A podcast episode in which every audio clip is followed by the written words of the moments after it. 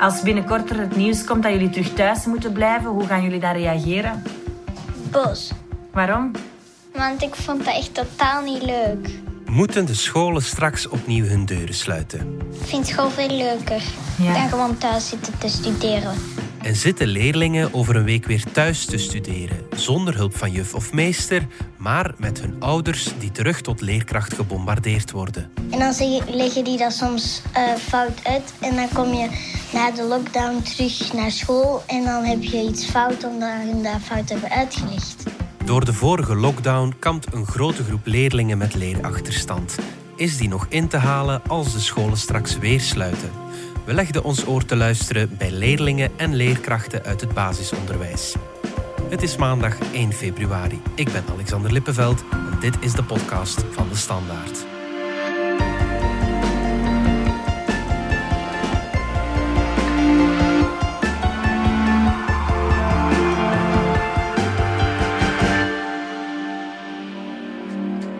Dat was soms een beetje moeilijker, omdat ik. eh, en soms begreep ik dat niet heel goed en mijn moeder begreep dat ook niet. Dus toen moest ik dat aan mijn zussen vragen. Heel soms begrepen die dat, maar soms niet. Toen hadden we dat opgezocht, keken we filmpjes en toen begreep ik dat een beetje. Ik vond het soms wel moeilijk, want dan moest ik die PowerPoint, ik heb die meestal twee keer gekeken, omdat ik dat meestal niet, niet zo goed snapte. En dat ik dat nog niet snapte, dan moest ik mijn papa uit zijn kals halen, maar die had meestal geen tijd en zo. Eh, ik vond het thuis eigenlijk eh, wel wat lastiger. Want en mijn broer hij was eerder klaar dan mij en dat stoorde hij mij, irriteert mij. En, en, ik, en als ik om hulp wou vragen aan mijn, aan mijn moeder en mijn vader, dat, dat, die hadden er eigenlijk helemaal geen tijd. Dus ik moest het maar en zelf uitvogelen. En het was ook erg lastig. Het was echt een stuk lastiger. Thuisonderwijs tijdens de lockdown was voor veel leerlingen en hun ouders geen evidentie. En dat is nog een understatement. Ouders moesten tijd vrijmaken om hun kinderen te pre-teachen, terwijl ze vaak zelf aan het werk waren. Voor anderstalige gezinnen was taal ook een heel groot struikelblok. Juf Sarah uit Antwerpen zag het effect van die verschillende thuissituaties toen ze haar leerlingen terugzag na de lockdown. Als die dan terugkomen, dan zijn er hele grote verschillen. Dan hebben we een groep kinderen die alles hebben gemaakt, alles hebben begrepen, zelfs meer uitdaging hebben aangegrepen. Hè. Er is zo'n kindje in de klas die heeft leren blind typen. Ik maak mijn werk heel snel af meestal. En dan heb ik heel veel vrije tijd. Oh, ik vond het eigenlijk toch wel beter dan normaal school. Want dan was het veel rustiger. En dan werd je ook niet gestoord. En werd je ook niet afgeleid door andere mensen. Maar dan hebben we ook die kinderen die eigenlijk de opdrachten die ze moesten doen niet hebben gedaan. Die de filmpjes niet hebben begrepen. Hoe hard dat wij ons best ervoor hebben gedaan om dat zo duidelijk en zo leuk mogelijk te maken. Ja, en die zitten met een serieuze achterstand. Want thuis, iedereen ehm, moest eh, alleen werken. Maar niet iedereen had hetzelfde niveau. Dus voor sommigen was dat super makkelijk, maar op, voor anderen was dat dan weer niet gemakkelijk. Wat dat wij over het algemeen gemerkt hebben, is dat de kinderen die ehm, vaak het al moeilijk hadden, het nog moeilijker gekregen hebben. Dat de kloof tussen sterke en zwakke leerlingen groter is geworden, merkte ook juf Han uit Brussel. Dus eh, ik ben Han Dessers. Ik eh, geef les in het derde leerjaar in een basisschool in Sint-Gillis. En wij hebben een eh, zeer divers publiek. Heel vaak zijn de kinderen die thuis gehouden werden. Dus na de lockdown hè, mochten de kinderen terug naar school komen. Zijn er ouders die zo bang waren dat ze hun kinderen eigenlijk thuis gehouden hebben. En dat dat voor heel wat van die kinderen eigenlijk ook nefast geweest is. Dus het feit dat ze niet meer ja, in die schoolse omgeving terechtkwamen, dat ze echt helemaal geïsoleerd geraakten, dat dat voor die kinderen eigenlijk zeker niet uh, deugd gedaan heeft. Ja, ook merken we natuurlijk kinderen die het thuis niet zo makkelijk hebben of niet zo breed. Uh, geen infrastructuur hadden, geen internet, dat dat uh, zeker ook wel voor enige problemen gezorgd heeft. Wij mochten ook niet verwachten dat ze alles thuis gingen kunnen en gingen weten. Wij hebben maar geprobeerd om zoveel mogelijk aan te reiken en zoveel mogelijk mee te geven. Om dan op het einde de rekening te maken en dan te kijken, oké, wat nemen we mee naar volgend schooljaar? En, uh, en wat moeten we echt zien dat ze er nog in krijgen?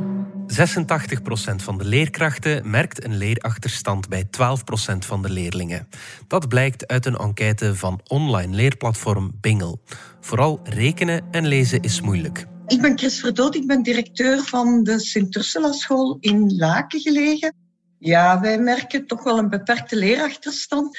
Zeker in een eerste leerjaar. Daar merken wij dat de kinderen die vorig jaar in de derde kleuterklas zaten, dat zijn toch wel specifieke dingen, uh, zoals wiskundige begrippen. Welk getal komt er juist voor, komt juist na?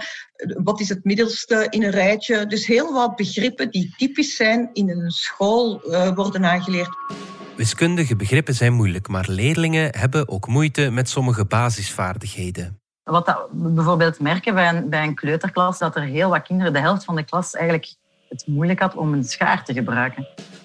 In het eerste is dat dan ja, dat schrijven bijvoorbeeld, dat, uh, dat, dat die kinderen van de derde kleuterklas bijvoorbeeld wat minder gehad hebben, die pengreep.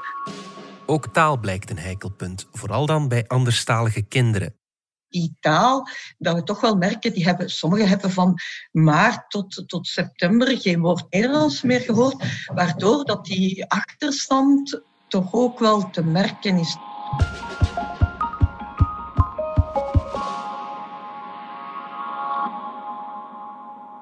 Leraren voelen de leerachterstand en de kloof tussen leerlingen is door corona groter dan ooit.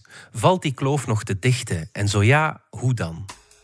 Ja, wat dan nodig is om die kloof te kunnen verkleinen, is natuurlijk extra inspanningen. Dit is onderwijsexpert Bert Smits. Uh, dus ik ben Bert Smits, ik ben uh, pedagoog, sociaal pedagoog.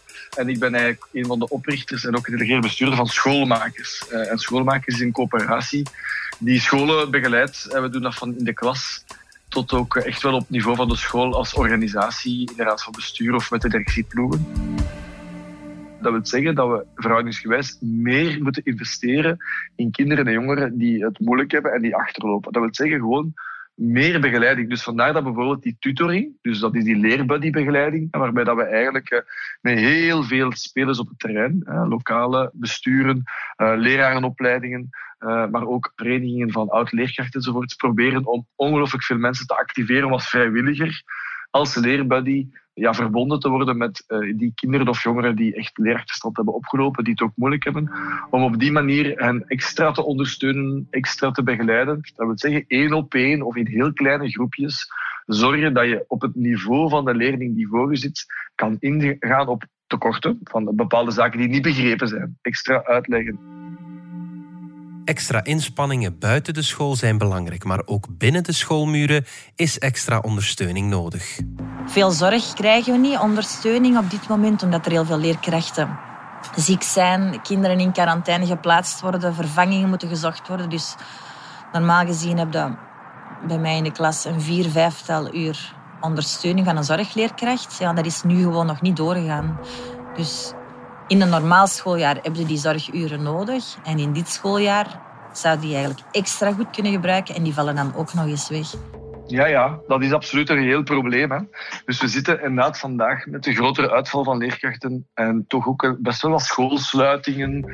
Vandaar dat we die extra initiatieven nemen, ook rond de school. Dat zal zeker echt werken. Dus dat is ook een beetje voor mij een oproep in het algemeen aan vrijwilligers allerhande. Iedereen die op een of andere manier een pedagogische achtergrond heeft of die op een aantal vlakken echt kan ondersteunen, om zich echt te melden als, als vrijwilliger via zo'n initiatief als Leerbuddy Vlaanderen of lokale initiatieven of scholen als vrijwilliger te gaan ondersteunen. Ik zeg het, wij zijn idealisten tot en met. Dat is een beetje part of the job. Dus wij geven geen kinderen op, maar we merken wel dat kinderen die, uh, ja, die het al moeilijk hadden, dat we die proberen aan boord te houden. Maar het is inderdaad een feit dat, dat er sommigen toch uit die boot zullen vallen en dat corona daar zeker uh, geen goed aan gedaan heeft.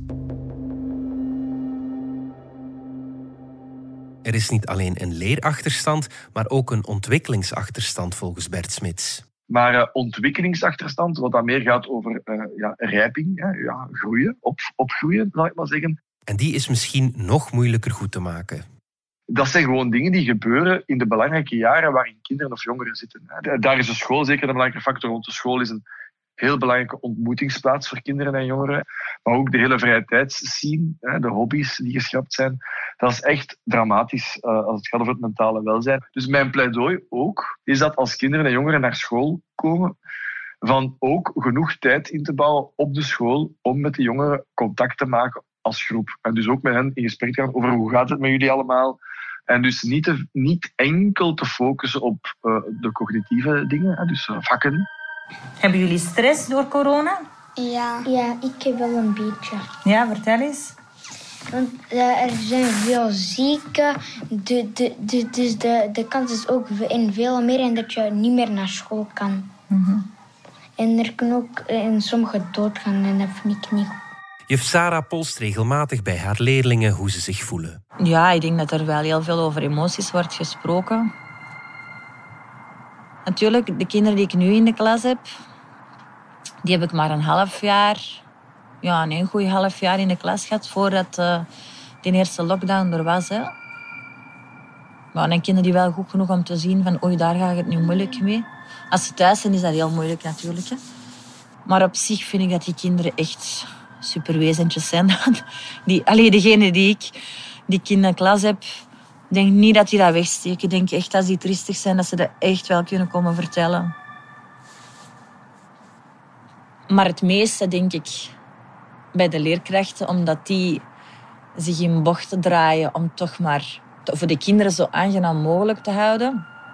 Omdat er heel veel moet ingesprongen worden bij vervangingen.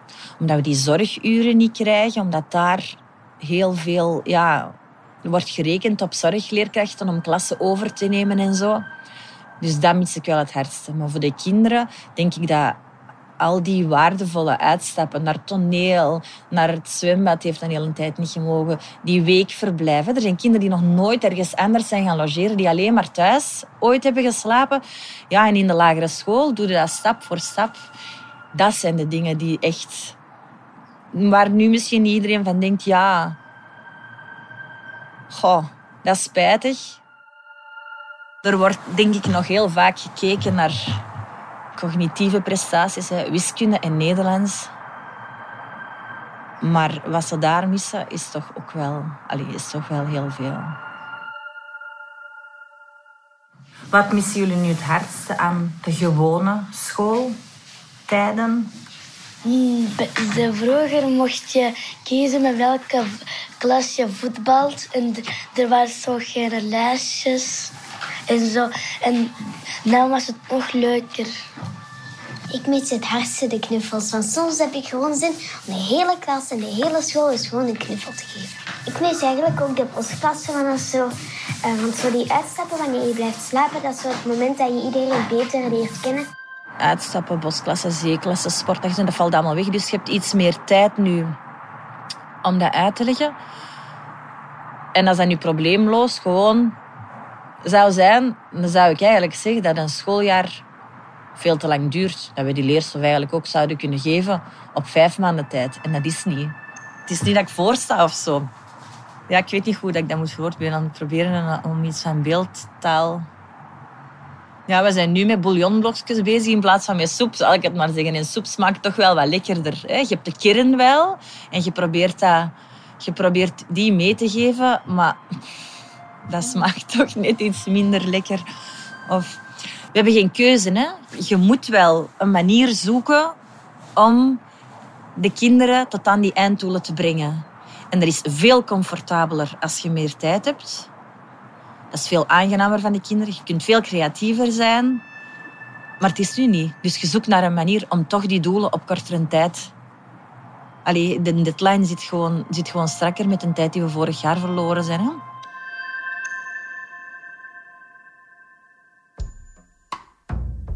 Zeg, hebben jullie, nog, um, hebben jullie nog tips voor de juf als er nu binnenkort terug lockdown is? Hebben jullie dan tips voor mij? Waar zou ik zeker op moeten letten? Uh, dat is misschien wel leuk als je terug zo powerpoints gaat maken. Beetje grappig. Wat mij ook nog goed lijkt, als dat terug gebeurd is, om uh, online les te geven. Echt gewoon dat jij bijvoorbeeld thuis zit en dat wij allemaal onze rekenschrift hebben. En misschien zijn er af en toe kinderen niet, maar dan doen die dat alleen. En waarom zou je dat goed vinden? Omdat wij dan jou toch nog zien en dan kun je nog uitleggen via online. Dan kan je je vragen nog stellen. Ja.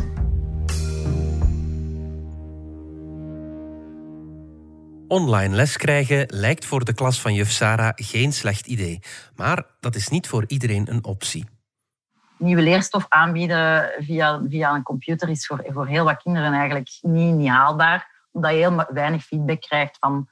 Ja, je kunt ook moeilijk verwachten van kinderen van negen jaar dat ze ja, van al hun werkjes foto's uploaden. Allee, we, hebben dat, we hebben dat zoveel mogelijk geprobeerd, maar je ziet wel... Ja, je hebt kinderen waar de ouders echt naast moesten zitten en dan lukt dat. Maar er waren ook heel wat kinderen waar de ouders wel alle twee moesten gaan werken, die dus echt wel zelfstandig alles maar moesten invullen, wat dan natuurlijk ook haalbaar is. Dus ik denk dat we daar zeker duidelijk moeten in zijn van kijk, als we terug moeten gaan naar zo'n online periode waar dat we via online lesgeven, dat we echt wel naar ja, een systeem moeten gaan waar dat we ja, kinderen de kansen bieden om naar ons toe te komen met vragen met waar, dat ze echt mee, mee sukkelen, maar dat, wij niet, dat we geen nieuwe leerstof gaan kunnen aanbieden. Of ja, op, op, andere manieren. En ook de school van Chris doet er alles aan om de meest kwetsbare leerlingen aan boord te houden. Wij hebben met het team ook afgesproken, stel dat we terug in lockdown moeten gaan, dat wij dan een selectie gaan maken van onze meest kwetsbare leerlingen en dat we die gaan uitnodigen naar de school, zodat wij die zelf kunnen ondersteunen. Nu, ik denk dat kinderen vooral perspectief nodig hebben. En, want wat we wel merkten is dat, dat voor heel wat kinderen bij de vorige, allez, vorig schooljaar, het feit dat er zo geen, geen perspectief was, haakten sommige sterke leerlingen op het einde ook gewoon af, omdat ze dus het gevoel hadden van ja, wat zitten wij hier eigenlijk te doen? En dat was wel heel moeilijk om te zien. We merkten eigenlijk vooral dat, die, dat de mentale druk voor die kinderen, zelfs ja, voor kinderen van acht, negen jaar, toch wel heel zwaar was. En uh, ja, dat, dat sommige kinderen ja, vooral nood hadden om gewoon dat samen zijn, het gewone. En ondertussen ja, zijn onze kinderen al gewoon aan uh, 100 keer per dag hun handen wassen en uh, dat we met ons mond, mond, mondmasker lesgeven. En ik merk daar wel aan dat kinderen wel ja, gemakkelijke wezens zijn. Die kunnen zich eigenlijk heel goed aanpassen, maar ze hebben wel ja, een perspectief nodig. Dus als wij kunnen zeggen van kijk, we gaan een weekje van thuis uit lesgeven, dan is dat denk ik haalbaar. Maar als we nu weer gaan moeten beginnen met we gaan thuis zitten en we zien wel wanneer we elkaar weer ooit eens zien, dan gaan er weer kinderen afhaken. En ik zeg het, denk, ja, in eerste instantie weer die, die, die allerzwakste die het al moeilijk hadden. Maar zelfs onze sterkere leerlingen ja, hebben echt nood aan, uh, aan een perspectief en aan een einddatum van wanneer mag het weer terug gewoon allemaal zoals ervoor. Wat is het eerste dat jullie gaan doen? Of wat is het eerste dat jullie hopen dat, er, dat je terug mag doen als het voorbij is? Ik hoop in dat meer speelgoedwinkels uh, open gaan. Rosalie? Um, ik mis het wel heel erg om bij mijn mokken en vaken en mijn oma en mijn bompa langs te gaan. Want ja, ik vind die echt wel heel erg leuk. Gewoon lekker eindelijk terug feestjes weer naar je oma gaan. Uh, en gaan jullie, hoe gaan jullie eraan terugdenken? Um, ik ga zo denken van, oh gel gelukkig is dat er nu niet meer. En toen hadden wij echt pech en zo. Dit was de podcast van De Standaard. Bedankt voor het luisteren. Reageren kan via podcast.standaard.be. Alle credits vind je op standaard.be-podcast. Morgen zijn we opnieuw.